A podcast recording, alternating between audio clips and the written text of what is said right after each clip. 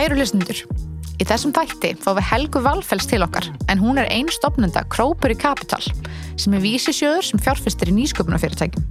Við förum yfir feririnnar Helgu en hún hefur komið víða við og verið viðlóðandi nýsköpunarsenina og fjárfestingar í henni í rúma tvo áratvíi. Hún hefur komið að fjárfestingum í tögum fyrirtækja eins og Lucinity, Mainframe, Cara Connect, Keresis og Avo. Bara svona svo við tökum eitthvað dæmi. En við erum með frábæra samstagsæðila sem við erum mjög þakkláttar fyrir að vinna með okkur og gera okkur kleift að taka þessa þætti upp. Og einn af þeim er Netto. En það er komin oktober með tilherrandi hauslægð en Netto er einmitt einn af stærstu sölustöðum bleiku slaufunar. En oktober er einmitt bleiku mánuður. Og við hvetjum alla til að kaupa slaufuna og leggja þessu góða málumni lið. Og svo mælum við auðvitað með að skoða tilbúðin í appinu en það er rægt að gera góða díla og við elskum góða díla.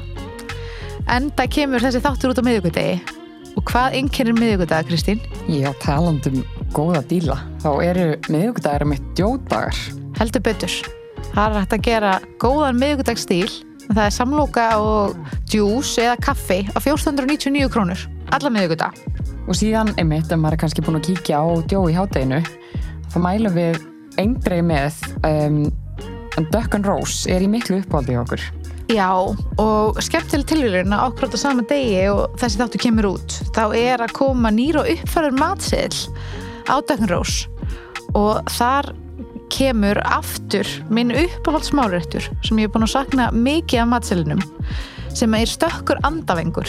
Ég mæli alveg innilega með að smakka. Þetta er bara, já, ég finnst þetta frábært. Ég skal ábyrgjast það að fólk eru ánátt með þetta pluss það að ég er líka mikill fan að ég geta fengið mig brönns í hátteginu finnst það geðvögt Já, ég sammála, mér finnst þetta líka alltaf vera svo vel útilætnir eftir og... Já, það er alveg frábært.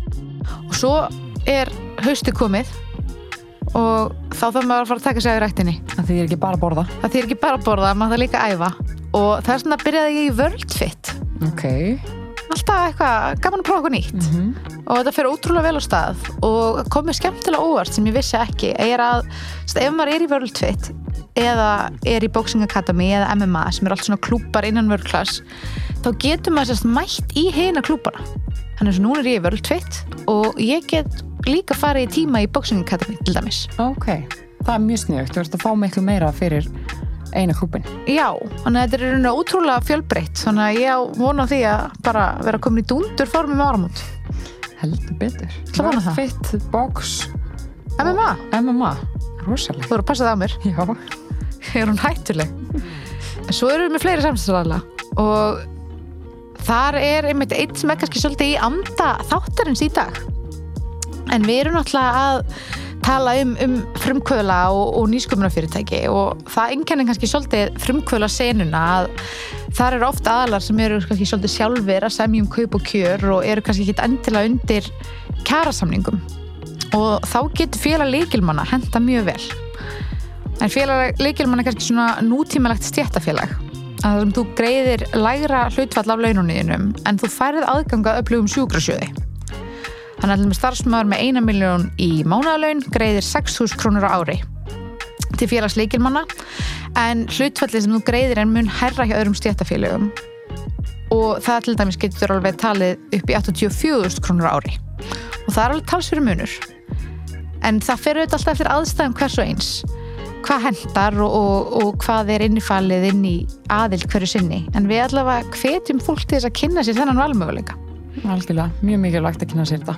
Já, og talandum nýsköpun og frumkvöla sem við ætlum nú að ræðum í þessum þætti að hérna þá er nú einmitt uh, fyrirtæki sem að heitir Swap Agency sem að tókst að skerpa og stækka hugmyndina í gegnum hraðal sem að heitir Startup Supernova.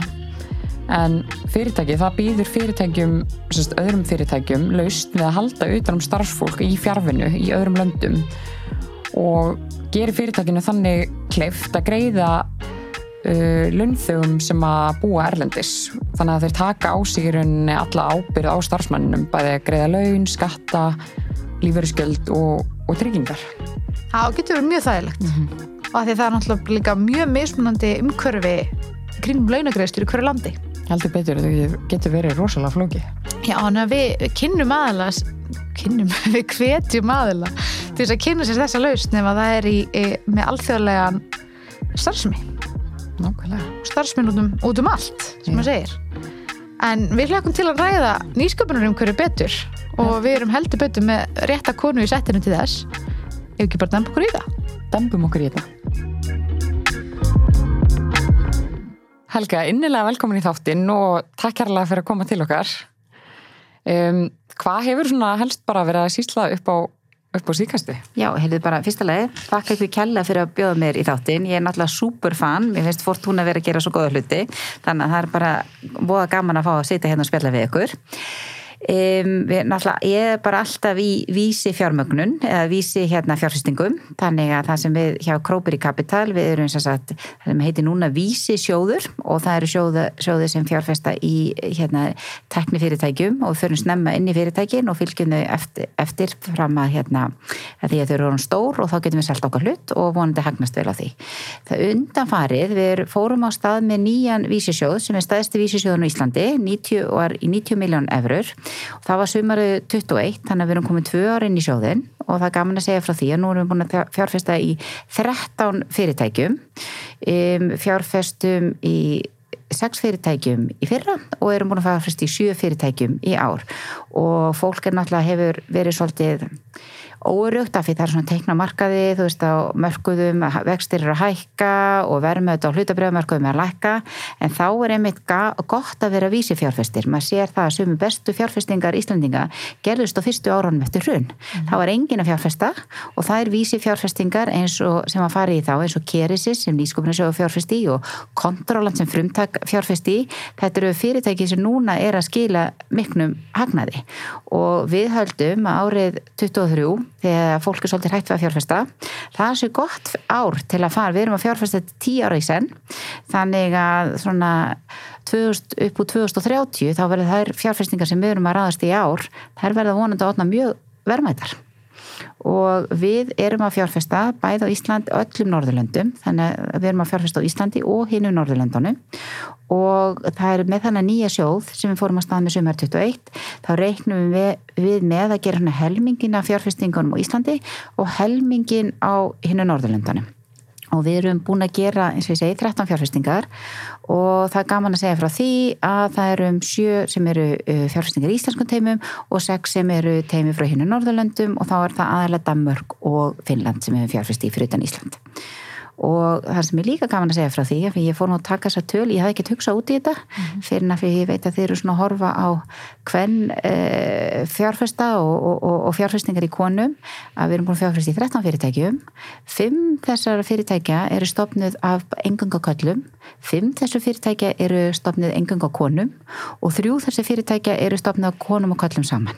Þannig að þetta við fór bara að ekki eins og hugsa út í þetta mm en þetta er mjög jaft og ef maður horfir á upphæðina sem við erum þessi, þessi fyrirtæki þá eru það allar svona áþekka svona fyrir þau öll fyrirtækin fá svona miða við hvar þau eru í vakstakurfinu svipaða fjárfestingi upp af þannig ég held að við séum nánast búin að fjárfesti jafn mikið í konum og köllum og það er bara eins og heimurinn á að vera að mínum mati. Nákvæmlega. Vá, þetta er endur ótrúlega áhugaverða tölur og, og endur spekla því miður ekki allt speysið en bara Nei. gaman að heyra að þetta hafi ekslast svona hjá ykkur. Já, og það var eiginlega, við höfum aldrei fjárfest í fyrirtæki af því það er styrsta konu eða fjárfest í fyrirtæki af því það er styrsta kalli og ekki aldrei neita konu um fjárfestingu af því hún er kona eða kalli um fjárfestingu af því hún er kall, heldur erum alltaf að reyna að finna bestu fyrirtækin fyrir okkar fjárfestingastefni. Af því svo eru kannski fyrirtæki sem henda okkar ekki fjárfesti af því við erum ekki með réttu þekkinguna eða rétta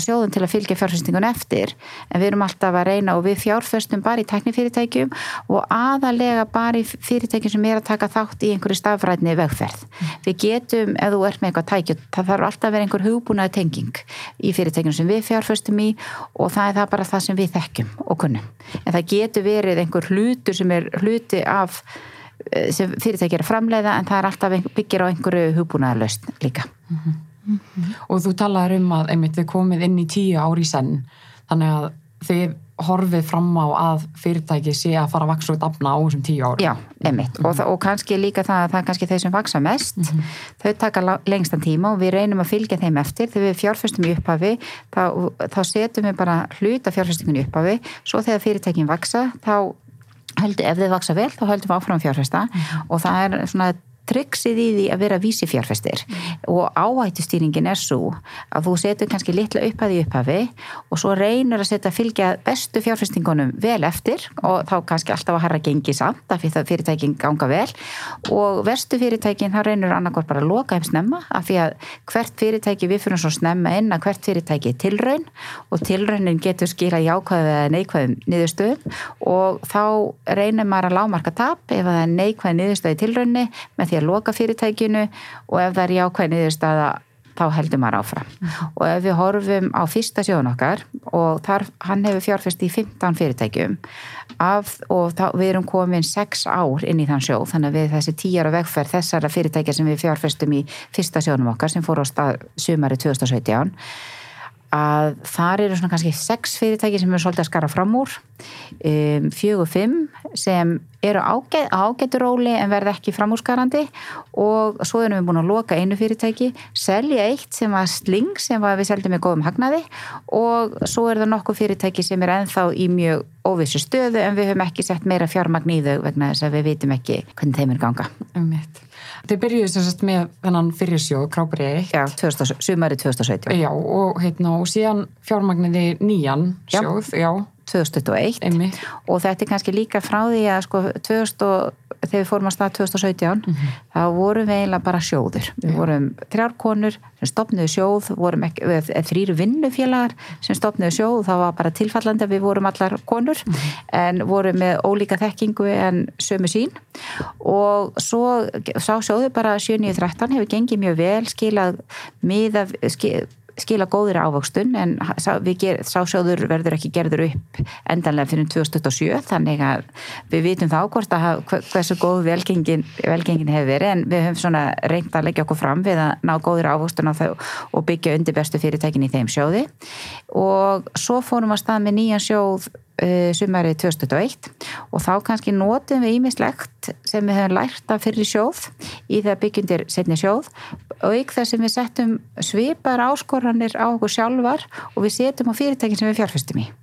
Til dæmis að þegar við fórum á, með, á stað með sjóð 1 þá var hann eh, fjór- 4,2 miljardar króna. Eh, við vorum að engöngum innlenda fjárfesta. Og hérna og vorum sem sagt, og hann var allur í krónu.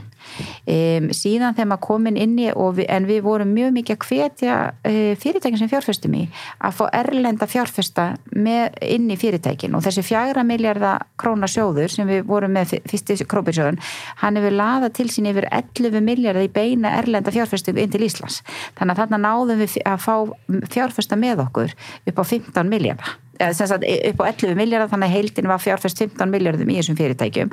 Og þess vegna líka gengur fyrirtækjunum vel af því það fjölbreyttur hópur af fjárfestum bakveða og af því að við í, í, í fyrri hérna sjónum vorum við búin að hveta fyrirtækin okkar til að ná í erlenda fjárfest. Og stundum er það erfiðra til skemmri tíma en það leysir mjög margt til lengri tíma og bara eigur fjölbreytnina í sagt, fjárfestinga baklandur hérna á Íslandi. Þannig að þegar við fórum að stað með setni sjóðum þá ákvaðum við að gera sömu áskonum fyrir sjálfar og ákvaðum við viljum fá erlenda fjárfesta inn í sjóðin þannig að sjóðunum sem við stopnaði 2021 hann var aðeins öðruvísi, hann var með það yfirlýstu markmið að setja bara að fjárfesta á öllum Norðurlöndum við hefðum gert pínulítið að því í sjóði 1 og nú ætlum við að gera það í meira mæli. En við settum okkur líka það áskorun að fá erlenda fjárfesta inn í sjóðin og við erum mjög þakkláttar við erum með svona banderskan stopnana fjárfestir um, evruskan stopnana fjárfestir og danskan stopnana fjárfestir sem að fjárfesti í sjónum okkar. Og svo erum við líka með íslenska lífir í sjóði og fjárstæðstöka einstaklinga og í raun og veru erum við og svo setjum við sjálfa smá pening í sjóðin þannig að það sem við gerum, svona vísisjóður þetta er ekki okkar peningar, heldur við að sísla með annar manna fjö og þess vegna líka bara mjög mikilvægt að maður gera þetta svona vinni vel og ábyrgt og sem er góða áhættustýringu og líka held ég svolítið gott að maður sjálfu seti peningin sjálfur af því þá finnum maður á eigin skinni eða hvort þegar fjárhæstinga ganga vel eða illa. Þannig ég held að við erum með svona skin in the game þarna, bóstælega. og þú talar um um að þeir stopnuð Krópirinn 2017 og þeir voru vinnufélagar Já, á þeim tíma, hvar voru það að vinna saman? við vorum að vinna hjá Nýsköpunarsjóð atvinnlífsins og bara skemmtileg og frábær vinna, lærði mjög margt. Ég byrjaði hjá Nýsköpunarsjóð atvinnlífsins fyrst eftir hrun 2009 og gaman að segja frá því að fyrsta fjárfestingin sem ég tók þátt í var Kerisis, Emmitt. Ok. Þá var þetta, hérna, þá var Nýsköpunarsjóður, sá Emmitt Kerisis á, það var viðburður sem sem hétt þá, hérna, Fórum á Sítfórum, sáum Guðmund Fertram kynna, síðan hóf samtal eftir það og 31. desember, ég man eftir að við þurftum svo að rjúka heim og fara að elda áramótamatinn, þannig að við vorum að klára fjárfestingunni í Kerisis og þannig að það var fyrsta svona vísi fjárfestingin sem ég, ég tók þátt í Ok. og var þá verkefnastjóri hjá Nýsköpunarsjóð árið 2010 var ég frangandastjóri Nýsköpunarsjóðs hérna og byggði upp teimið meðal annars með því að ráða fleiri konur inn til sjóðsins fyrir þetta höfðu bara til 2009 þá höfðu þetta bara verið kallar sem unnu hana þannig að ég var svo heppin að ráða tvær rosalega flotta verkfræðinga. Annar hétt Hekla og hinn hétt Jenny. Mjög gott að vinna með þeim og, við, og Hekla byrjaði 2010 og Jenny kom 2014 og þá vorum við með að undirbúa það að, og upphælega stóð til að nýsköpunarsjóður ætti að verða svona public-private eh, hérna, sjóður um, það tók mjög langan tíma hjá hennu ofnbæra að ákveða hvernig þið myndi gera það og það svona, og árið 2016 var ennþá verið að skrifa minnisblöðu hvernig ætti að framkoma það. Þannig að um áramótin 2016-17 þá eiginlega mistum við svolítið þólimaðina og ákvaðum bara að reyna að enga veða okkur sjálfar. Þurftum ekkert public, við ætlum bara að hafa private.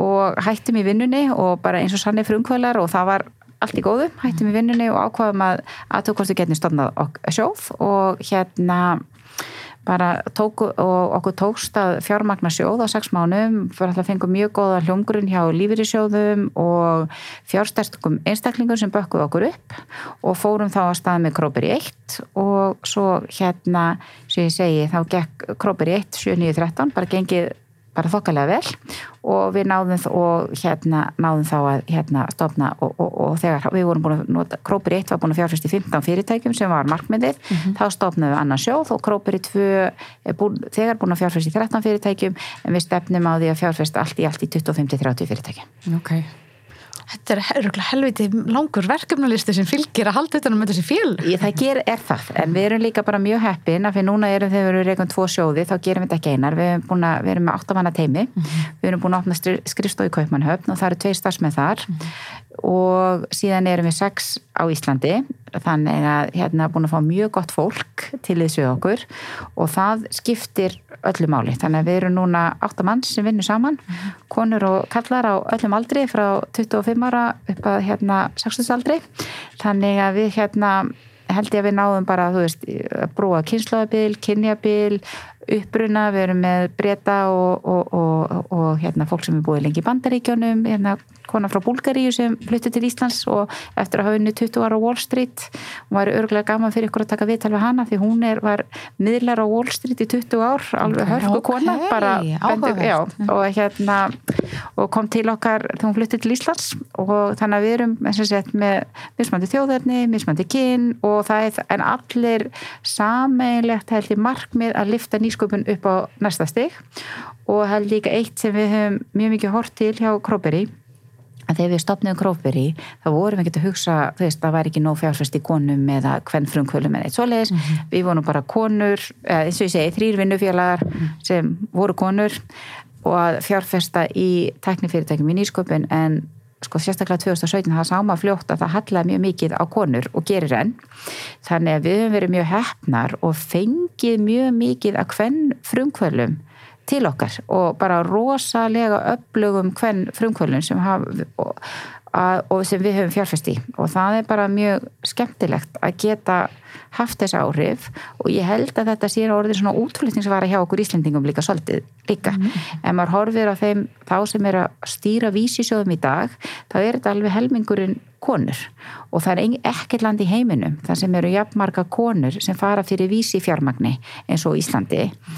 Og ég veit það er komið nýlega út tölur þar sem, KPMG tók saman um hvað hérna að það hallar ennþá konur í sambandi fjárfestingar í vísi fjármagnun en hérna, en það er svona hægt og smátt að breytast og ég veit að hjá Króperi þá er helminguna fjárfestingunum sem við gerðum í fyrra var til hvenna teima, þeim voru bara fyrirtæki sem var engöngu stofnað á konu. Og ég held að verði svipað í ár. Og, og þegar maður horfir á nýja sjóðan allan þá er bara, þetta er mjög sko jáft skipt þannig að það, það skiptir máli. En það sem skiptir líka mestu máli er maður að fjárfesti fyrirtækjum sem alltaf vaksa hratt og dafna vel. Og þetta er svolítið, þú veist, þetta er segja margir að svona vísi fjárfesting sé áhættisum og hún er það, maður þarf að hugsa sér tvísvarum og til dæmis þeir sem hafa fjárfest í sjóðunum okkar þetta eru aðilar sem eru tilbúinir að fjárfestar í tíu ár. Það tekur bara þennan tíma að byggja upp fyrirtæki. Þetta eru fjárfestar sem eru kannski tilbúin að tapa á einstökum fyrirtækjum en vonandi ekki á eignasafninu öllu. Þess vegna er líka frábært að fjárfesti gegn sjóði og fjár, veist, þannig að við erum alltaf að horfa á yrrið á sjóðunum sem heild mm -hmm. ekki og þetta við erum að reyna að byggja undir einstakar fjárfestingar. Og en líka vera tilbúin eða ef eitthvað er ekki að ganga að hætta við. Mm -hmm. og þannig nærmar mjög góðri ávöxtun. En einmitt ferlið að byggja svona vísisjóð, er þetta ekki svona svipað eins og kannski að veist að byggja upp nýsköpunafyrirtæki. Svolítið Já. og mér finnst svona eins og ég segi, við bara hættum í vinnunni, mm -hmm. fórum hann í eitt lítið bakherbyggi mm -hmm og sátum þarna þrjá ár með laptopur okkar að fjármagna vísisjóð og þetta var alveg svona frumkvöla ferli og svo er maður að byggja upp nýtt teimi og það er svona, það kannski skalast ekki jafnra, þetta er svona eins og byggja upp nýskonum fyrirtæki en það gengur hæg, eh, jafnvel hægar fyrir sig Já. þannig að hérna og það tekur langan tíma að finna út í því hvort maður er svona fjárfestingatíma byrja hjá sjónum er yfirleitt 3-5 ár, mm -hmm. þannig að maður er að fjárfesti nýjum fyrirtækjum fyrstu 3-4 uh, er í framhaldsfjárfæstingar þessum fyrirtækjum og svo fer maður að vinna að útgöngu að þeim og það, það er einlega ekki fyrir nú að búin að gera upp fyrsta sjóðin að þú veist hvort þetta hafi hefnast eða ekki. Mm -hmm. Þannig að þetta er þólimaðis vinna en alveg einstaklega skemmtileg og gefandi vinna mm -hmm. og það er líka bara mjög gaman hvað Íslandst nýskopunum hverju búin hefur breyst mikið frá því ég byrjaði 2009. Mm -hmm. Það er bara alveg frábær. Já, hvernig, hvenar fór þetta að verða svona meira sko, umfangi kringum þetta hérna? Ég, ég veit að sko, ég er náttúrulega búin að vera að vinna með nýskopuna fyrirtækjum síðan um aldamátt, þannig að bara í 23 ár er þetta búið að vera svona ástriða hjá mér og hefur breyst mjög mikið á þessum 23 árum en ég held svona 2009 þá var náttúrulega algjör látið því að þá voru bara tveir hérna vísisjóðir starfandalandinu, það var annars vegar nýskopnarsjóður atvinnlýsis sem átt að fara mjög snemmin í fjárfestingar. Og svo var það frumtak sem var að stopnað eiginlega meðal annars af nýskopnarsjóð sem var svona hérna frumtak eitt og það var svona, og ríki tók, setti mikið pening þar inn tók á þessu ábyrð og það voru tveir stjórnamenn úr nýsköpunarsjóð og þáverandi framkvæmdastjóri sem held ég komið svona frumtæki af stað og ríki setti fjármagn þann inn ásamt lífur í sjóðum og böngum þannig að það og frumtak og nýsköpunarsjóður unnu mjög náið saman eins og Svana Gunnar sem er núna framkvæmdastjóri hérna frumtak sem er alveg frábær. Að við unnum, við ég sóttum báðar um sömu blada auglýsing í bladinu og vorum bara þá, og þá var tekin ákvæm, nú skulum við ráða konur. Þannig að við vorum báðar ránað hann að samtímis. En þannig að þetta umhverfi en það var svona mjög margt að gerast af því ég held að sko, þegar, þegar fjármála hrunni var þá sá fólk að það, við urðum að vera með einhver aðra útlunnsvöru heldur en banka. -hmm. og þá var kannski engin peningur í nýsköpun en það var mjög mikill kraftur. Og það voru fyrirtæki sem voru að verða þarna til í kringum 2009 sem þekkingafyrirtæki og ungir verkvæðingar hætti að fara að vinna í böngum og fóru að stopna fyrirtæki. Og það var fyrirtæki sem hétt Klara, ég veit ekki hvort það var svona fyrsta sem við fjárföstum í held ég 2010 og það var selgt mjög snemma og þetta voru allt strá, strákar þá sem hefði voru nýjútskrifaðir úr hérna, verkfræðinni og hefði ekki fengið vinnu og stopnuði fyrirtæki, seldu eh, fyrirtæki til Kísildal og þessi menn sem stopnuði Klara sem þeir seldu með hagnaði og ég mann þetta og hérna og fengu allir svona peningi vassan og fengu líka tækifæri til að vinna í Kísidal þeir eru allir rosalega flottir. Þetta er svona fólk eins og Gunnar Holmstein og Jón Eðvald báði með alveg framúrskarandi flott lískopunafyrirtæki í dag sem er að gera mjög goða hluti. Þannig að líka þessi þekking var að verða til. Hvernig þú ert frumkvöld og hérna en það voru munfæri konur í nýsköpun um, það voru mjög eiginlega engir ellendi fjárfestar sem voru að koma að verkefnum hérna og við byrjuðum svona að undibúa það að fá ellendi fjárfesta og þessi tvei sjóðir sem voru aktífir 2009 voru báðir að öllu að hluta til í eigu ríkisins.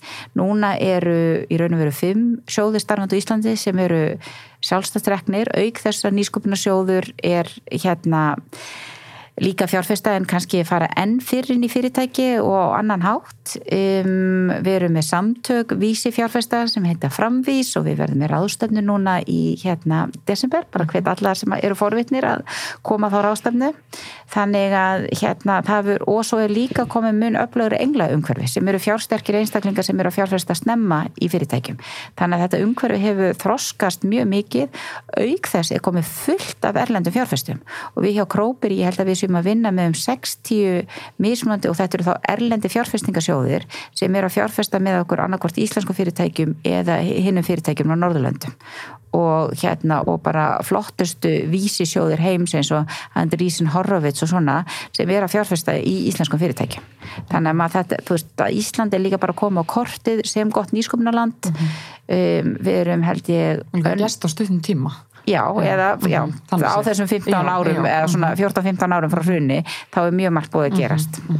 en það er líka held ég mjög mikið lífyrirsjónum að þakka, af því þeir áttuðu sig á því að svona í kringum 2015 við hérna að þeir og, og lærðu mikið að fara inn í frumtak fóru svo að fara inn í sjálfstastarfandi vísisjóði. Og ég held að það er sko, það, þetta er ekki við stór upphæð fyrir lífyrinsjónum sem þeir eru setið í nýskopur en hún hefur gífurlega mikil áhrif.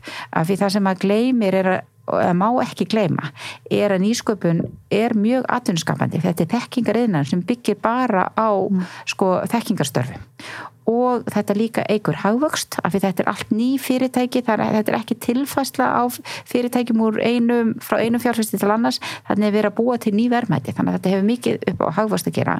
Og svo held ég þetta hafi líka bara mikið með það að gera að sko tæknilega framtróðun í landinu, þú veist. Ef við Íslendingar viljum ekki vera svona einhvern veginn missa af lestinni og við erum mjög skapandi þjóð, þannig við eigum að vera að skapa tækni, ekki bara neytanar og það er líka svo frá, frábært þegar maður sér þessi fyrirtæki sem eru að búa til nýja tækni og öll þessi sköp, hvernig sköp, hægt að virka sköpunarkraftin hjá okkur Íslendingum, það er líka aðeinslegt.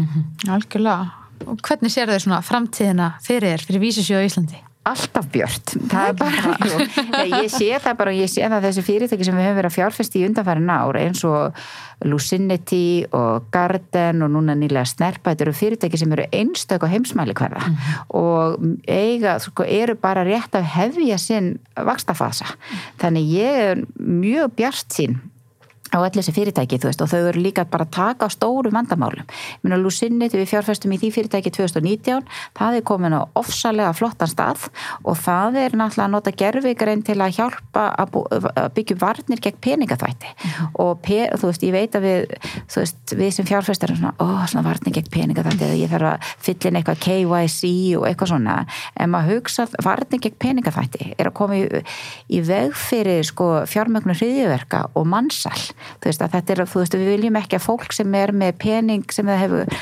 hagnast úr, þú veist, eiturlífasölu eða, þú veist ég veit ekki, er að fjármagna hriðiverka eða eru í einhverju mannsalstarfsemi mm þú veist, sá peningur á þú veist, að, þú veist á ekki heima í þú veist, við þurfum að bara einhvern veginn setja byrt á þann pening mm. til að koma í veg fyrir þetta, ef þú getur ekki fjármagna þessar hluti, að þá minga þér, þannig ég held að svona mjög gaman að hafa fjárfæst í þessu fyrirtæki vegna þess að ég held að það sé mitt að gera mikið gagn og er að nota nýjustu tækni. Og mér er sagt að til dæmis Lucinity er bara með bestu tækni þegar kemur að, að nýta gerfigreind af því það er svo flókið sem, þú veist, fólk sem er að reyna að koma í veg fyrir að flytja pening á milli landa, mm að er að nýta gerfigreind til þess að finna það, þetta fjármagn sem er ólöglega fengið.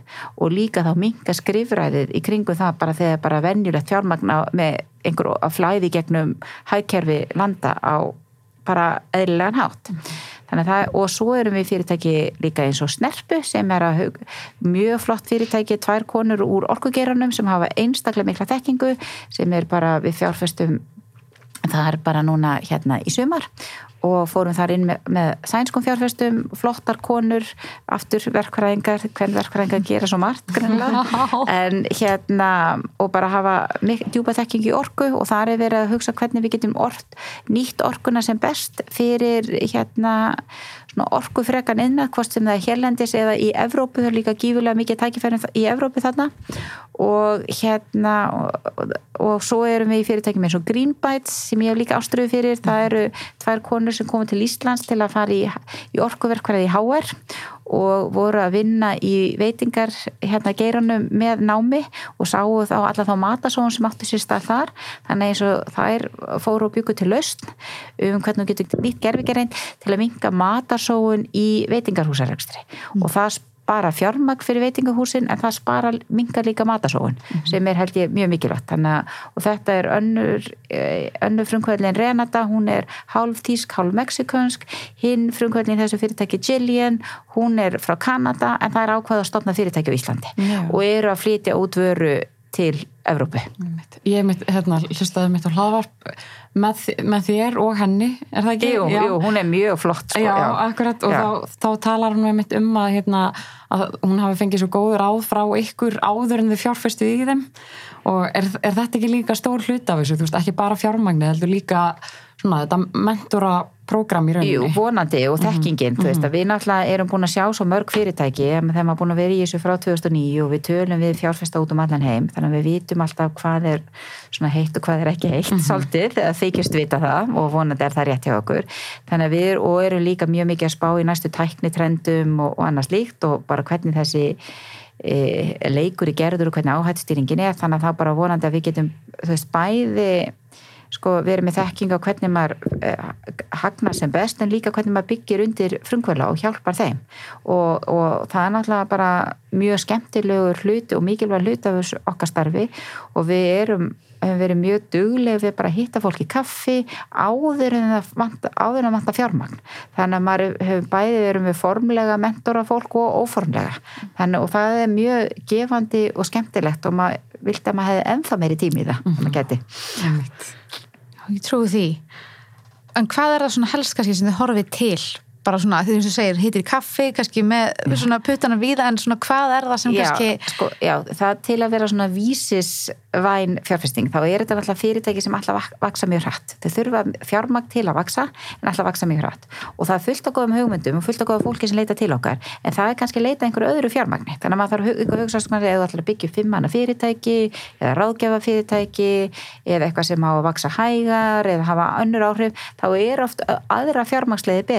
veist, annarkvort að finna bara einn engil, einn einstakling sem er til að bakkað upp með hófar upphæð eða fá bankalán eða bara byrja að selja þjónustu, þannig að það er allt leiðir sem eru kannski góða fjármagnulegði fyrir þá sem alltaf ekki vísilegðina. Vísilegðin er svolítið að eh, vera með tæknilegust sem er hægt að skala mjög hratt. Þannig að þú farið fjármagn í vöruþróun fyrst, tökur og þú hefur búin að þróa vöruna, þá eh, finnur þið kannski fjármagn í að gera tilraunni hvar og koma þér fyrir á markaði, svo þú ert búin að finna hver eru bestu fyrstu viðskiptavinninir, þá færðu, tekur inn fjármagn til að skala upp teimið og fara í meiri sölu og markasetningu og svo þannig að fólk er alltaf að sækja fjármagn í áfengum en er kannski endanlega takin tölvöld mikið fjármagni af því það ætlar að búa til næsta kýrisist, þú veist, biljón dollara mhm. fyrirtæki. Hérna og e, það kannski það sem að, þú veist, við horfum mjög mikið á þegar við erum bara, þegar fyrirtækir í fyrstu skrefum, er bara tækifærið á markaðinu.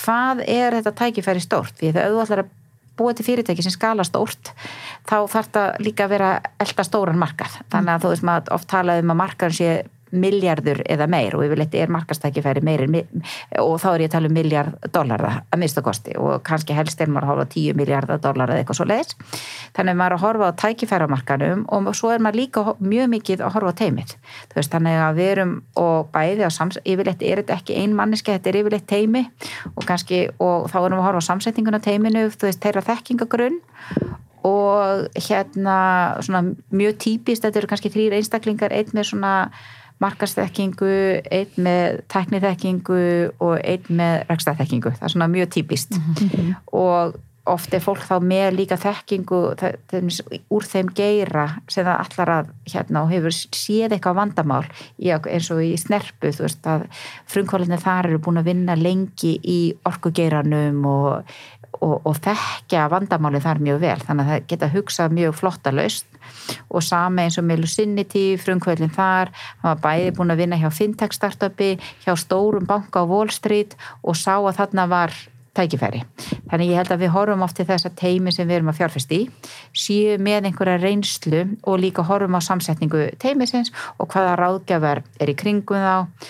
Líka finnum maður svona þegar maður byrjar að vinna með þeim þú veist hvað svo fljótu eru að svara og þú veist bara ástriðina fyrir verkefninu mm -hmm. sem er eitthvað svona sem maður getur ekki mælt mm -hmm. en mhm. maður finnur fljótt sko mm -hmm. og að fólk verði tilbúið til að stíga allar öldur mhm. þetta er það að stofna fyrirtæki getur verið mjög gefandi mhm. en þetta er ekkert auðvelt og þú hættir ekki þú veist þetta er fyrir fólk sem hefur mikla þrautsegju og svona viðskipta innsægi og er tilbúið svolítið að vera alltaf að túna til tækifærið mm. veist, þetta er svona hafandi verið fjárfæstir kerisist þá fylgdum við, við mjög vel með því fyrirtæki fyrstu fimm árin og þá sá maður alveg, þá voru mjög mikið erfiðum ákverðum sem Guðmundur Fertram tók og hann var með svo mikið svona viðskipta innsægi að hann, þú veist, e, þú veist þú veist, þegar þurfti þá saði hann uppluta teiminu til að lámarka kostnað. Hann var líka fljótur að, þú veist, að horfa til bandaríkjana og, og, og svona prófa sér áfram. Þannig að maður sá að það er svona hlutir sem oft erfiðir hlutir sem maður þarf að vera eiga auðvelt með. Þú veist, eða þú veist að geta, geta ekki, kannski ekki auðvelt með. En að, þú veist, oft, oft erfið hlutir sem er erfið ákvarðantaka en maður fórir að gera það. Það er kannski meira ekki auðvelt með hlutina en að hafa hugur ekki til að gera þetta erfiða. Mm -hmm, Okkarlega Það er mjög góð lýsing á þessu. Já, eða líka bara alltaf áhuga með þessi fyrirtæki eins og bara gerir sér svo kontrólant að almenningur, allavega stór hluti almennings upplifir þetta sem overnight success sko. Já, en maður, já, einmitt, þú veist, og maður bara veit, þú veist, hvað það, og, og meninga og mikið af þessu fyrirtæki, sko, þá veit maður bara allar það erfiðu ákvarðanir sem fólk hefur þurft að standa frammi fyrir. Akkurat. Og svo líka svolítið svona, bara svo ég komið því til skila með kerisisöguna og líka þú veist að fjárfestar, svo þurfum við fjárfestar líka að taka erfiðar ákvarðanir og þekkja okkar vitunatíma. Fyrir sumir fjárfestar eru rosalega góður í byrjun, aðri fjárfestar eru góður að skala upp og sagt, eins og nýskopunarsjóður, hann fjárfyrsti Keresis 2009 og svo fór hann út fimm ánum setna, en fekk mjög góða águstun af því að nýskopunarsjóður var ekki með mikið fjármagn og þú veist, þegar uh, Keres, Keresis fór skala þá þurftu pláss fyrir öðruvísi fjárfesta sem gáttu fyllt mjög vel eftir með miklu fjármagni. Mm og nýskopunarsjóður var náttúrulega sjóður í eigu ríkisins og átti bara fjárfesta snemma í fyrirtækjum, þannig að nýskopunarsjóður veist, hérna fekk held ég yfir 60% yrr sem sagt 60% árlega ávöxtun sem bara mjög flott, mm. seldi svo til Keresis og nota fjár, það fjármang til að fjárfesta í öðru fyrirtækjum, en þá var búið að taka mestu áhættuna og þá voru kannski aðri fjárfestar sem kom inn á harraverði og voru, til, voru tilbúin að taka minni áhættu en kom með meiri pening og fylgja vextir með eftir. Og þetta er líka sem fjárfestir að maður þarf líka svona að þekka sem vitjunatíma auðvitað gaman að fá að vera með allan tíman en kannski hendar það ekkit öllum fjárfæstum mm þannig að þetta er líka svona eitt af þessum erfið ákverðunum sem við sem fjárfæstar verðum að taka er hvenar eigum við að selja okkar hlut og hvenar er það best fyrir okkar hluthafa eða okkar haghafa Það er ekki til mér að þetta geta verið mjög erfið ákverðun að stiga tilbaka ef þú hefur trú á vekk fyrir náfram sko. sko. og kannski krópir ég náttúrulega með aðra uppsetningu heldur en nýskomansöður mm -hmm. þannig að við getum verið lengur inn í fyrirtækjum en hérna og passa sig mitt líka kannski erfitt að detti ekki í bara eins og með almenna fjárfestin og okkur fjárfesti ekki lengur í þessu eða, Nákvæmlega. og, og svo er líka, þú veist, ég held að sé líka þú veist, það er alltaf hagna, að hagnast meir eða tapa já, meir. já. og maður verður bara að vera sáttur. Maður á ekki að horfa á hvað aðri gera. Maður þarf bara að vera sáttur hvað maður er að gera fyrir sitt eignasafn. Mm. og ég held að það er líka svona mjög mikilvægt að þú veist, þú veist, ég menna hlutabriðaverð getur alltaf að hæra og getur alltaf lækkað og bara alveg á sama í hvaða eignaflokki maður að fjárfesta mm -hmm. svo lengi sem maður sjálfur er sáttur mm -hmm. við sína eigin ávöxtun þá skiptir hitt ekki máli mm -hmm. þú veist, ég held að maður þurfi bara að vera svona, vera með eitthvað, eitthvað target hérna ástunarkröfu og svo ef maður nær henni eða eitthvað svo leist þá held ég bara, og mér finnst það líka fáránlegt bara ef einhver annar græði meira og einhverju fjárfestingatæki veri því er þannig ég held að maður, veist, ég held að sé mjög hættulegt að vera alltaf að horfa á hvað aðri græða að það bara verið sáttu við sín eigin ágóða alls er mjög góð skilabóð eru þið að koma inn á mismunandi stigum hjá þessum fyrirtækjum? Já, stundum, við Já. gerum það. Þú veist, við sko, erum svo kallega seed sjóður sem þýðir það að við erum yfirleitt svona að búa stofna fyrirtæki, vöruþróun er að vissuleiti kann stundum byrja að koma tekju, stundum ekki, það fyrir eftir hversu þró, flókin vöruþróun er, en við erum ennþá komið inn þegar vöruþróun er ennþá í gangi, fólk er ennþá að finna markaðin, við höfum í einstaka tilfellum farið inn það sem er prísít, sem við förum mjög snemma inn og það var kannski sérstaklega á fyrsta ár, hann að sumar, við stopnum, sem segir krópar í 2, sumar í 21, þannig 21-22 vorum að fara mjög snemmin og þá, við, okkur fannst við geta það fyrir við þurfum að skila sjóðnum 2031 en svo núna undanfari höfum við verið að fara inn í aðeins þroskari fyrirtæki og, og, og venjulega erum við mjög svona, við erum sítjóður þannig að við erum að fjárfesta kannski fyrst þegar fyrirtækin eru kannski fyrst stopna, fyrst eða annan stopnarna fjárfestir sem kemur í fyrirtækin. Mjög venjulegt svona við komum það er kannski 2 miljónir evra sem farin í félagið, við setjum miljón evrur og einhver, fáum einhvern með fjárfestir sem sendur miljón evrur. Og við erum eins og ég segjum að vinna mjög mikið með erlendu fjárfestum, viljum hafa líka fleiri en eitt fjárfestur í borðið og við teljum það líka vera skynnsamt fyrir frumkvæla að vera ekki háðir einum fjárfestur þú veist, þú, þú veist, ég held að við setjum eitt af því sem við horfum í að gera alltaf það sem er best fyrir fyrirtækið. Og við teljum að það veri best fyrir fyrirtæki að hafa fleiri en eitt fjárfestur og þá bara, það getur alltaf komið eitthvað fyrir að fjárfestin er full fjárfestur, getur ekki fyllt eftir og eitthvað slíkt, það líka að þú ert með fleiri neitt fjárfestuði borði þá ertu með starra netverk að, þeir, að því fjárfestar þekkja líka aðra fjárfestar sem kom inn á setni stegum þannig ég held að þetta sé mjög mikilvægt. Líka eitt af því sem við gerum og mjög margi vísisjóðir gera í sinni áhættustýringu er, það er kallað að leiða eða leiða ekki fjárfestingar leið og þá sem leiðir, hann setur verðið.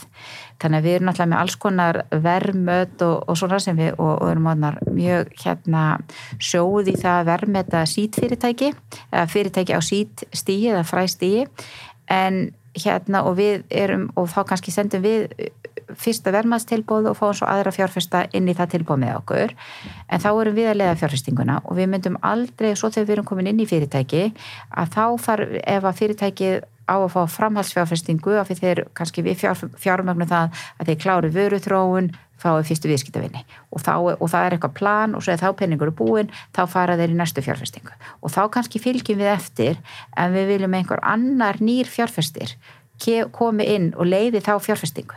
Og ef við engin í heiminum nema við viljum fjárfesti sem félögum þá er yfirleitt eitthvað að.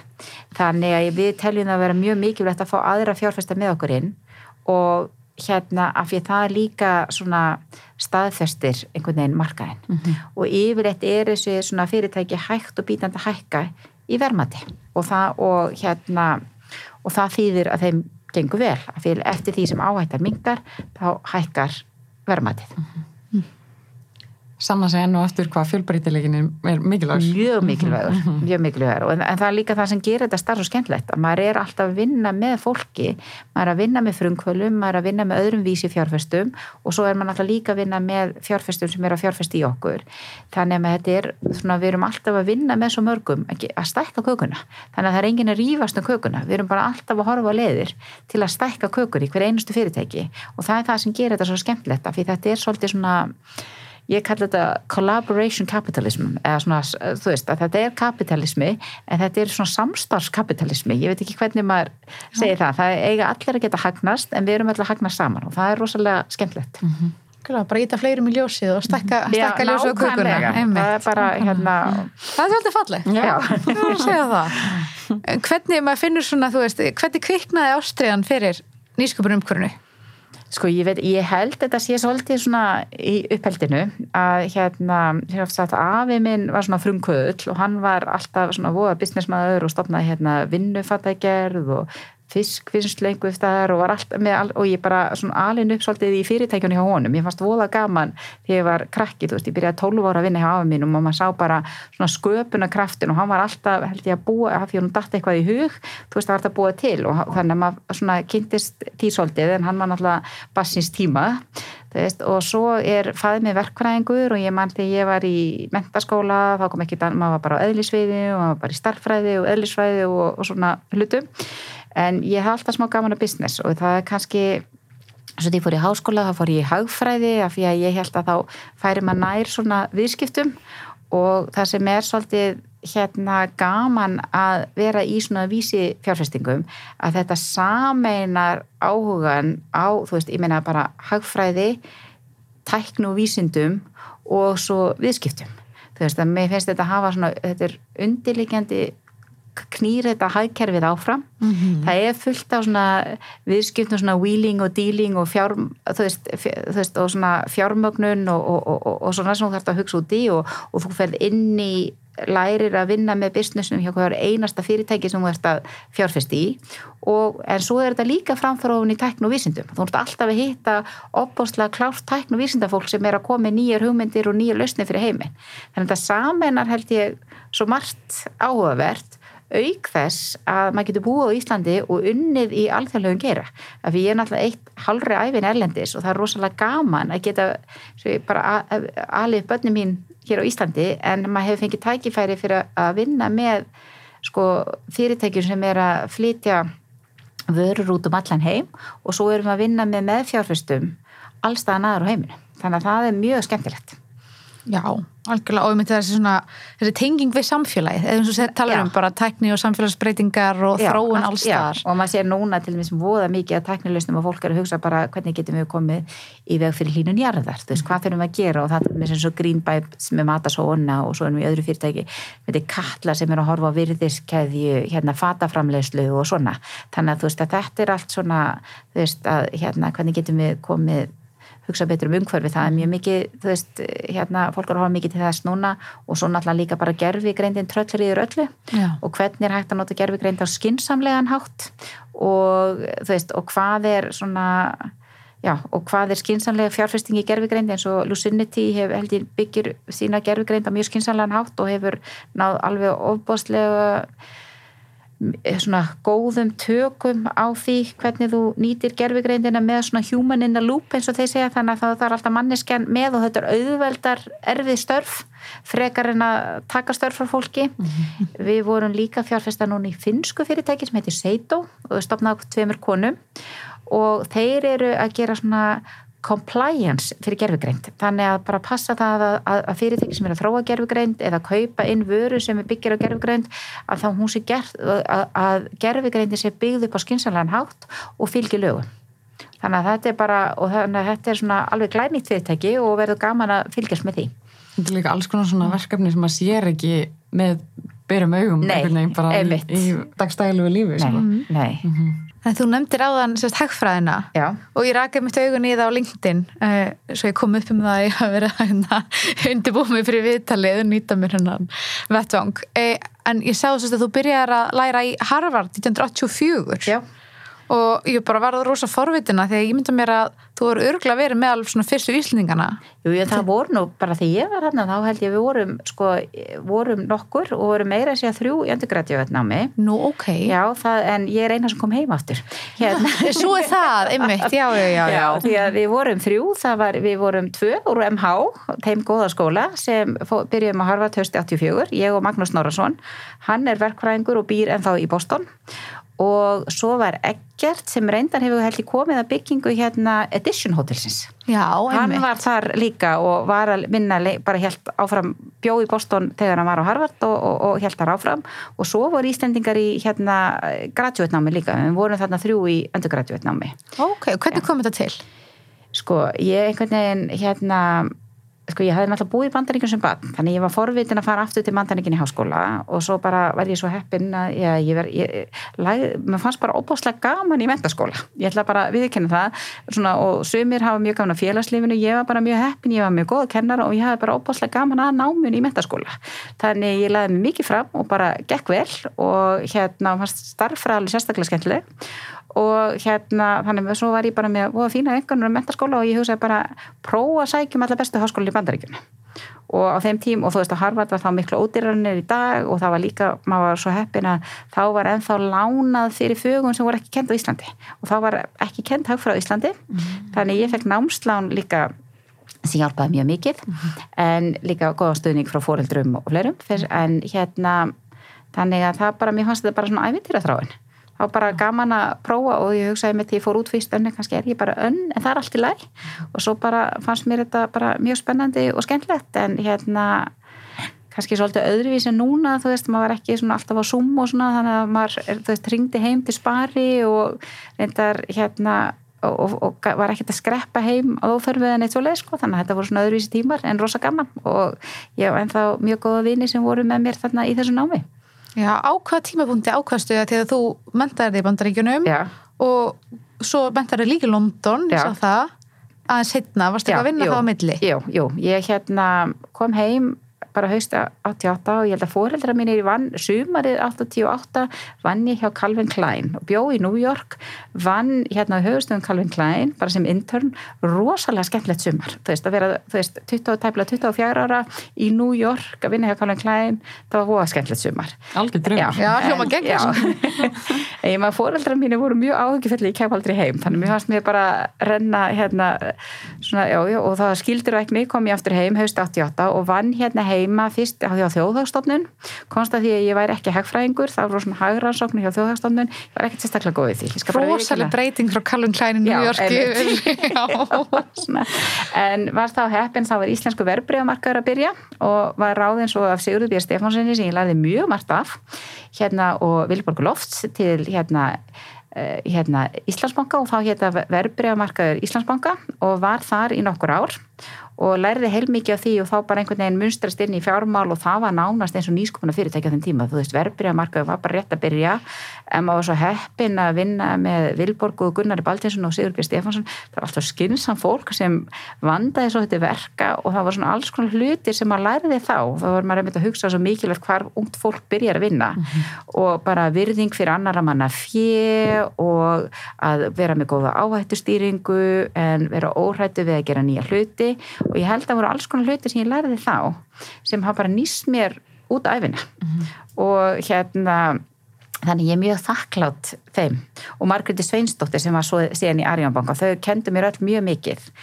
Og hérna síðan hérna fór, fór ég okkar námski hjá Rauðakrossunum og endaði í Afriku og var þar í sex mánuði sem var bara mjög gaman þegar ég var hérna 27 ára. og meðan ég var í Afriku þá fór ég að hugsa hvað mér langar mér að gera næst og hefði alveg mjög gefand að vinna hjá, fyrir Rauðakrossin í Vestur Afriku og var svolítið að hugsa hvort mætti bara helga sér hjálpastörfum en ég kannski því ekki alveg aðalega fyrir maður sá bara fólki sem gerði þetta svona að atvinnu, þú veist, það var einhvern veginn ekki með fjölskyldu, við sem ég langaði fjölskyldu og þá hérna ákveði fara í mastersnám og að því ég hafi verið í bandaríkjunum þá sótt ég um nám í Breitlandi og sem var frábært því ég enda ég búið allt í allt nýja ári í Breitlandi en það sem var ennþá betra ég kynntist manninu mínu þar og flutta hans svo heim. Þannig að það var bara svona, það var ekki til Tinder í þá daga þannig að maður fór í mjög dýrt svona dating hérna MBA-nám já, einmitt, einmitt. Þú þurftir að leita aðeins, aðeins Já, lengra eftir í einmitt, dag. já.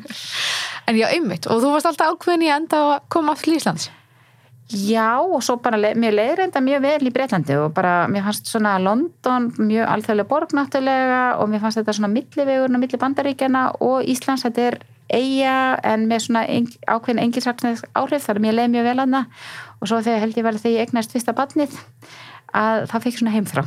Og hérna og þá hérna Þannig við fluttum heim svona í tilraunaskýri sömur 99 og voru hérna alveg til 2007, fluttum þá aftur út til Breitlands og fluttum svo aftur heim 2009 og þá fór ég að vinna hjá Nýskumarsjóð. Það eru ekki einmitt mjög margi sem tengja við við þessa heimþrá þegar komið fjölskylda. Já, ég var bara einhvern veginn amma, þú veist að því líka maður minn þótt að hann sé alveg upp í Breitlandi, þá byggur fóreldrar hans í Norður-Englandi, þannig að maður svona fann svolítið leið þetta badni, badni, badni þektinga af og ömmur og þetta, þannig að ég samti við manni minn myndum prófa eitt ár í Íslandi. Og hann er núna bara eiginlega meiri Íslandingur en ég, þú veist, hann kann þjóðsöngin utan að ég kann það ekki. Já, Þannig, ok, er mjög flottur, frábært. Já. Og tala reybrennandi íslensku. algjörlega og vinnur á íslensku. Já, Já, ok, já, fyrirmyndar. lítið betur. Þetta er, já, Og þetta er eiginlega alveg magnað sífi, ef ég að segja svo er. já, algjörlega. Ég bara, takk fyrir að koma þess að þekkingu heim sko, ég verð að segja það. Þetta er klálega og líka kannski svona sem að bara ég get sagt út frá mér sem að mér finnst því Krópuri hafa gert ótrúlega vel það er að vera ábyrrandi og vera þú veist, duglegar að fjalla um það sem þeir eru að gera. Mér finnst það ekkert alltaf eins og það hafa verið þannig allavega ekki út frá mínu. Nei, nei, ok, það er gaman að heyra og bara alveg eins og þið hjá Fortuna eru mjög duglegar að fjalla um það sem þeir eru að gera og það er mjög mikilvægt en ég held líka bara að við höfum öll sem vinni hjá Kráberi svo mikla ástriðu fyrir því að svona setja svona vísi fjárfestingar upp á næsta stig. Og alveg eins og við sjáum bara horfum 15 ára aftur í tíman þetta búið að breytast mjög mikið síðustu 15 árum og vonandi heldur þetta áfram að breytast næstu 15 árin.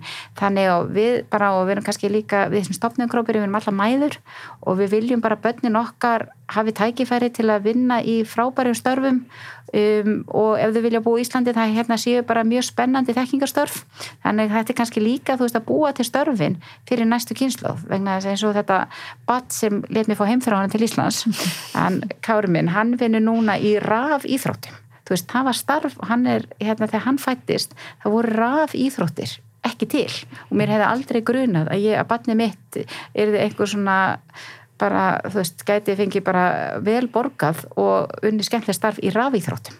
Nei, það er frábært. Já, þannig að maður svona, þú veist, veit aldrei. Algjörlega, og maður vonar að það sé eitthvað sem gerfugreindin búið til, hún búið til rými til þess að fólk geti verið að vinna við ástriðuna sína og kannski minna Nákvæmlega. af þessum repetitive ennstekningar verkum nákvæmlega, nákvæmlega. Og auðveldi leiðilegu störfin þannig að við höfum meiri tíma til að gera skemmtilegu störfin. Nákvæmlega, og skapa og nákvæmlega, já. búið til verðmötin já, og vera með fólkin okkar og svona, já En þú talaður einmitt um að hérna, hvað mikilvægt í svona teimum að, að það sé fjölbreytt þekking sem komi að og svona. Já. náðu þú og Heklu og Jenny svona þessari fjölbreytti flóru inn í, inn í teimið ykkar. Já, við Já, gerum það. Og það fyrsta lagi erum við þrjár mjög ólíkar og bara við, hug, við erum bara ólíki persónleikar en hérna með sömu gildi. En líka þær, þú veist, Hekla er yðnaverkræðingur, Jenny er verkræðingur menta frá Þýskalandi og ég lærið hagfræð, þannig að við erum með ólíka sagt, mentun, en svo líka þú veist, ólíka starfsensli ég hafði unnið áður nýstofnað grópi líka mikið í fjármálum og hafði unnið hérna í, í, í,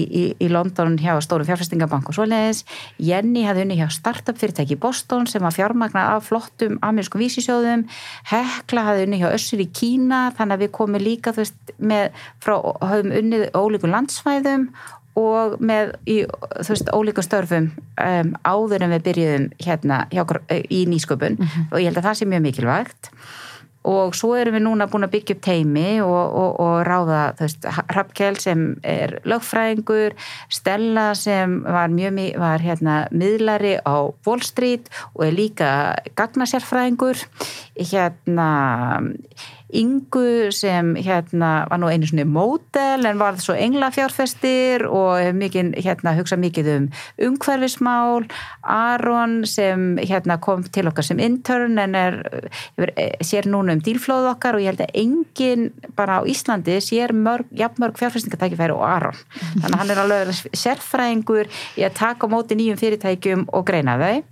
Og svo erum við með Jack sem er í, í Danmarku breyti og þekki danska og nor, norræna markaðin mjög vel þannig að þetta er svona og og það er mjög, eins og ég segi, við erum ólíkir einstaklingar á ólíkum aldri með ólíka sko lífsreynslu en eigum það öll sameinlegt að hérna bara við sjáum að það að fjárfesta í nýsköpun er líka að gera gagn Mhm. e og maður getur hagnast í leðinni sem er líka mjög mikilvægt. Já, gott teimi hérna. Þetta er svona eitthvað sem ég ætlaði að spyrja um á hann en ég fæði bakka eins og þegar Krópur í tvö sérst, byrjar að fjárfesta svolítið út fyrir landstyrna og þá veltum við svolítið fyrir sér svona því það er kannski líka opnar líka nú væntalega nýjar vittir fyrir ykkur. Já. Hvað er svona ef að það er eitthvað, sérðu það eitthvað svona menningamun eða einkennismun á því að fjárfesta á Íslandi og úti? Jú, það er það. Það sem ég held að líka að það gerir, sko, fyrsta leið þá erum við að skoða miklu fleiri fjárfæstingatækifæri og þá erum við að bera það best á Íslandi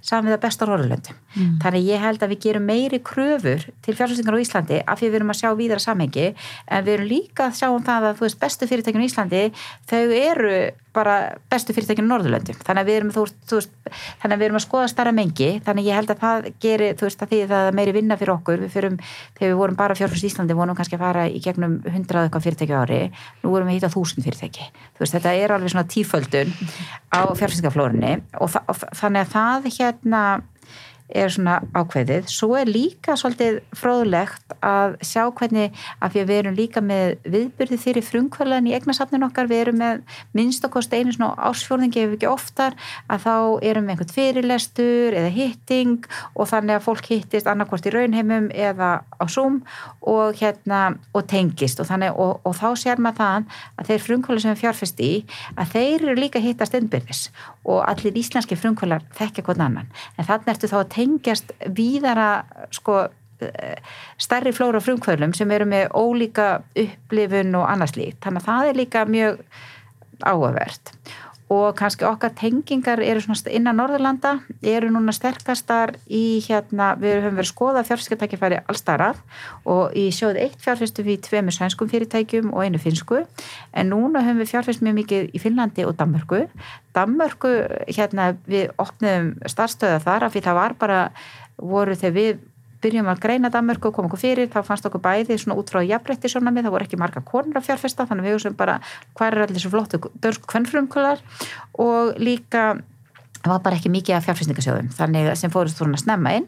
Þannig að við höfum fengið fullt af flottum tækifærum í Danmarku og svo í Finnland einhvern veginn og finnst ofsalega gott að vinna með Finnum þú veist, þeir kannski segja ekki mikið mm. en alveg einstaklega dugleg vinnusum og tæknivæð þjóð mm. og þannig að hérna, við erum meðmitt búin að fara í tvær finnskar fjárfæstingar í ár og hérna bæði fyrirtæki sem voru stopnið á konum en hérna Er þeir ekki líka alltaf með hérna Þessar ástefnu slöss. Slöss og við höfum kynst Finnland svolítið gegnum slöss og við erum búin að fara á slöss bara frá 2000 og bara ég held að með fyrstu Ísla Jenny og Hekla fóru þegar voru hjá nýskupinsjóð á slöss öruglega svona 2013-14 þegar slöss var rétt að byrja. Og við höfum alltaf fylgst með slöss mm -hmm. og bara einhvern veginn náð svona góðu hérna e, samstarfi við Finna. Síðan sko höfum við alveg hort til Svíþjóðar en það hefur verið það mjög mikið fjármaks sem leita til Svíþjóðar.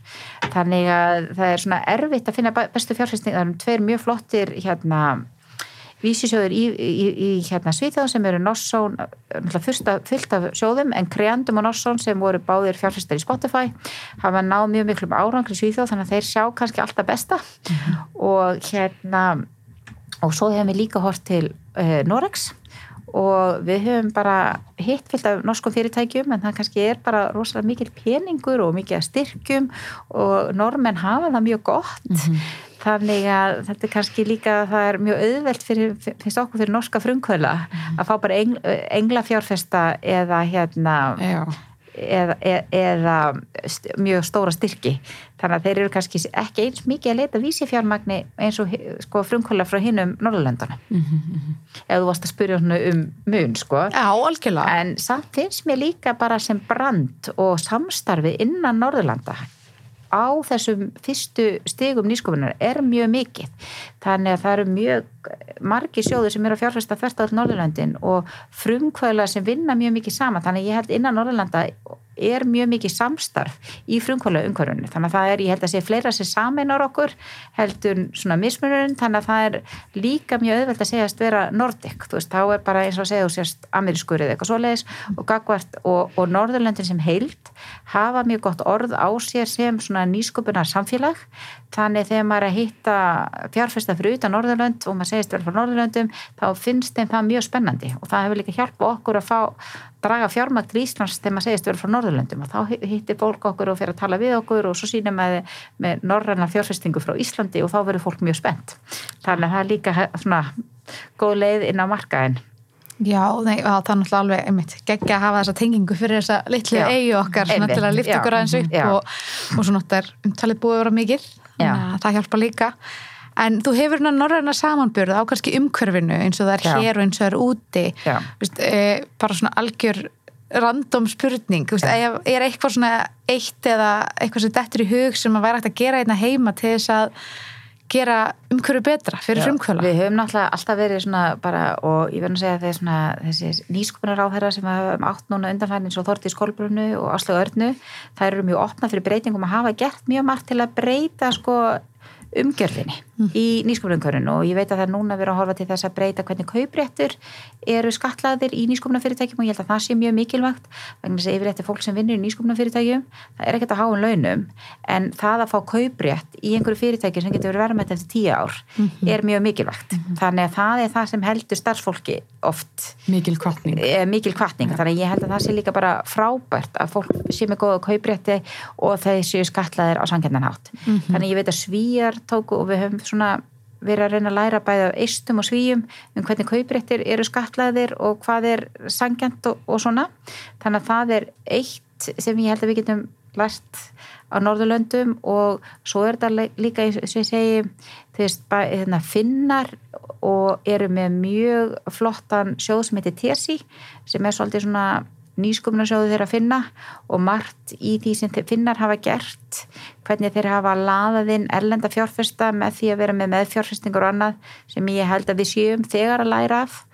Og hérna þannig ég held að þetta sé svona hluti sem hefur ofnbæra getur lært og svo held ég bara líka sem að fyrir stundum sérstaklega vikið með þú veist eh, dönsku fyrirtækin sem er fjárfest í þeir eru rosalega sölu fókusirar þeir eru bara og afskaplega gaman að sjá hvernig danski frumkvölar hugsa um sölu frá fyrsta degi. Mm. Ég held bara við sem Íslandingar sko, þú veist, við getum þú veist, eitt er að vera skapandi og byggja flotta vöru en að hugsa hvernig við getum selgt henni, komin á markað komin í verð, ég held að það er bara mjög svona, hérna gaman að sjá hvernig dönsku teimin okkar eru að takla þetta og ég held að þau geta einmitt kent okkur Íslandingum margt og svo náttúrulega líka bara hérna Já, þannig að ég held að maður lærir eitthvað frá öllum, líka að hugsa stórt. Það er svona eins og Spotify og svona hefur sannað það er að byggja rísa fyrir og Unity sem er nú, Daví Helgason hægt að byggja rísa fyrirtæki frá Norrlöndum þú veist að við erum ekki hrætt við að hugsa stórt. Mm -hmm. þú veist að hérna það er til fjármang til að koma mann á stað á Íslandi vaks og ef manni gengur vel að koma sér á stað þá er hægt að sækja vaksta fjármagn út í heim. Að vera ekki ófeimi við að hugsa stórt. Mm -hmm og þá er nú ekki verra að við litla EM berum okkur saman við aðeins stærri lönd. Nákvæmlega Já. og miða við höfðatölu erum við með næst hæðstu fjárfestinguna í nýsköpun á Íslandi. Ísland er að fjárfesta aðeins meir per capita en svo er það Ísland. Okay. Já, frábært. Já. Sko það er spurning, við gætum haldið að fara að tala endalust. við erum eiginlega konar fram með tíma. Já, Já ok. Þannig að við kannski bara, kannski bara svona rétt í endan mm -hmm. að að því að ég hugsa að séu ekkert mjög margir sem að hafa horta fleiri fjárfæstakynningar heldur en því að grópur í hvað svona hvað er það helst sem að þú myndir segja ungum frumkvölum að hafa í huga ef að þeir eru að setja upp sína kynningu? Já, það er bara kynna teimi vel kynna tækifæri vel og líka skoða samkjöfnina. Við gleymum því stundum og það er alltaf samkjöfni í öllu þannig að mér finnst það svona spurning sem við þurfum ofta að spurja veist hver er samkjöfnin. Mér finnst svona ungi fungvel og auðvilegt útskýra vöruna mjög vel, sérstaklega eð, en gleyma kannski að horfa á samkjöfnina. Þú veist, þótt að það sé ekki engi bein samkjöfni þá er alltaf einhver óbein samkjöfni eða það er eitthvað, þannig að horfa það og hvernig þau ætla að koma sér fyrir á markaði og eitt af því líka sem að hérna, við horfum mikið til er að sko, hvernig þú kemur það er svona mjög góð bók sem heitir hérna, The Cold Start Problem. Þú ert að byrja á einhver fyrirtæki sem alltaf skalast. Þá verður samt að byrja með svona handabli fyrst. Og þetta er svona eins og Airbnb þegar voru að koma fyrstu sko, e, fyrirtækjunum á stað veist, og þeir fóru sjálfur og tóku myndir af húsóðan til að myndirnar eru þau nógu góðar. Og svo til lengri tíma liti þá ferða að skalu fyrirtæki þú ert með, tæk, með tækni sem hjálpa fyrirtækin að skala. En þetta er líka þú veist að byrja hvernig þú ætlar að koma vélinni á stað Ókvæmlega, ætlar að starta þessu öllu Já, emitt er Helgi bara takk kærlega fyrir að koma til okkar og deila þessu öllu með okkur. Bara takk fyrir áhugavest spjall, mjög gaman að tala við ykkur. Takk sem leiðis